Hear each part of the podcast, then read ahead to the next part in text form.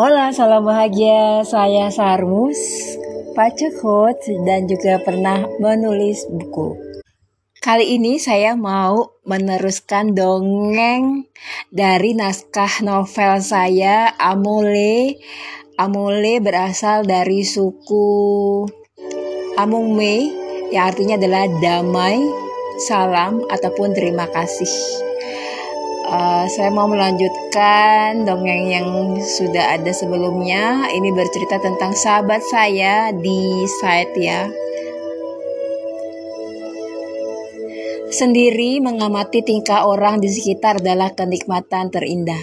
Aku bisa menelanjangi berbagai karakter banyak orang hanya dengan duduk diam seperti saat ini. Aku duduk di meja ujung di dekat pintu keluar mess hall flamboyan. Kantin yang nyaman ini berukuran sekitar 10 kali 10 meter. Ruangan makan khusus untuk level staff dan ekspatriat berstatus bujang di situs. Meja ini nampaknya tempat persembunyian terbaik bagi gadis penyendiri seperti aku. Di sini, aku bisa menikmati makananku sambil mengamati karakter orang yang lalu lalang menuju meja-meja di sekitarku. Hey, long time no see you. May I join? Tiba-tiba Jim, lelaki Melbourne berambut keriting kusut bak penyanyi reggae itu sudah berdiri depan mejaku. Aku mengenal Jim saat bertemu di mess hall Rizkam di atas sana. Beberapa kali pertemuan akhirnya dia menyapaku dan ternyata kami mempunyai selera musik yang sama, alternatif rock tahun 90-an.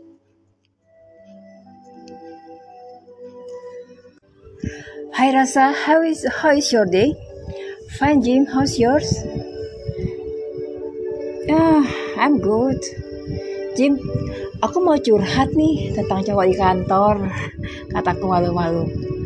Jim memasang muka mimik muka serius. Oh, oke. Okay. So interesting. So, hmm, bagaimana mulainya ya? Bagaimana dengan pada suatu hari Putri Raisa bertemu Pangeran Gunung? Jim mencoba melucu. Oh, oke okay, Jim. I wanna tell you story. Jadi gini, pada Jumat pekan ketiga, aku malu-malu menceritakan pertemuan pertamaku dengan Vin, lelaki aneh di kantor. Jim menyimak dengan serius sambil memotong-motong kecil daging panggangnya. Mungkin dia suka sama kamu, Sa. Anyway, kamu kenal laki-laki botak di belakang kamu? Tanya Jim sedikit menundukkan kepalanya. Kenapa? Tanyaku tanpa mengecilkan suara sambil menambahkan bubuk merica ke mangkok bakso ikanku. Dia beberapa kali menoleh ke meja ini. Oh ya? Penasaran, aku menoleh ke meja belakang. Tepat saat aku menolehkan kepala ke belakang, mataku bertumbukan dengan mata dingin Finn yang sedang duduk di belakangku. Aku diam. Dalam hati aku mengeluh.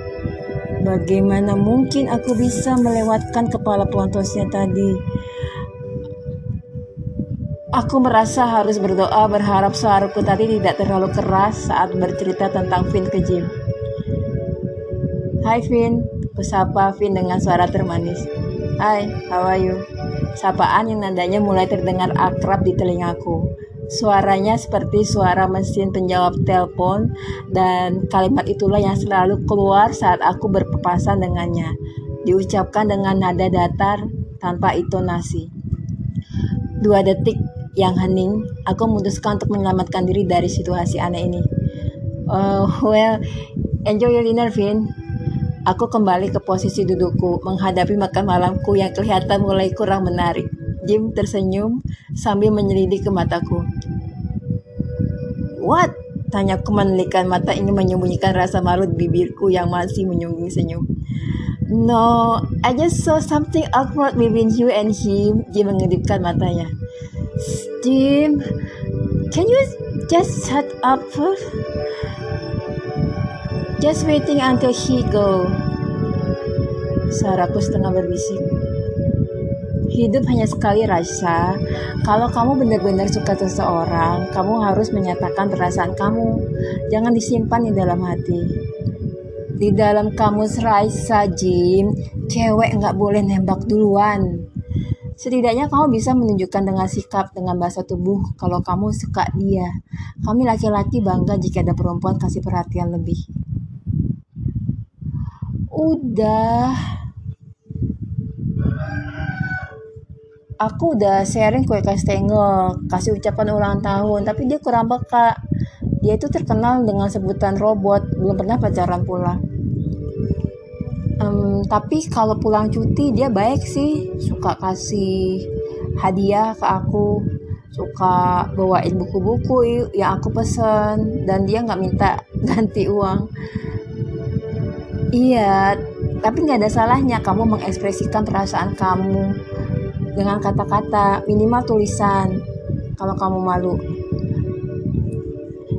ya tapi gimana ya Jim? Kalau dia nggak punya perasaan yang sama aku mengejarkan suaraku. Paling tidak kamu sudah menyatakan perasaan kamu. Nggak ada penyesalan nanti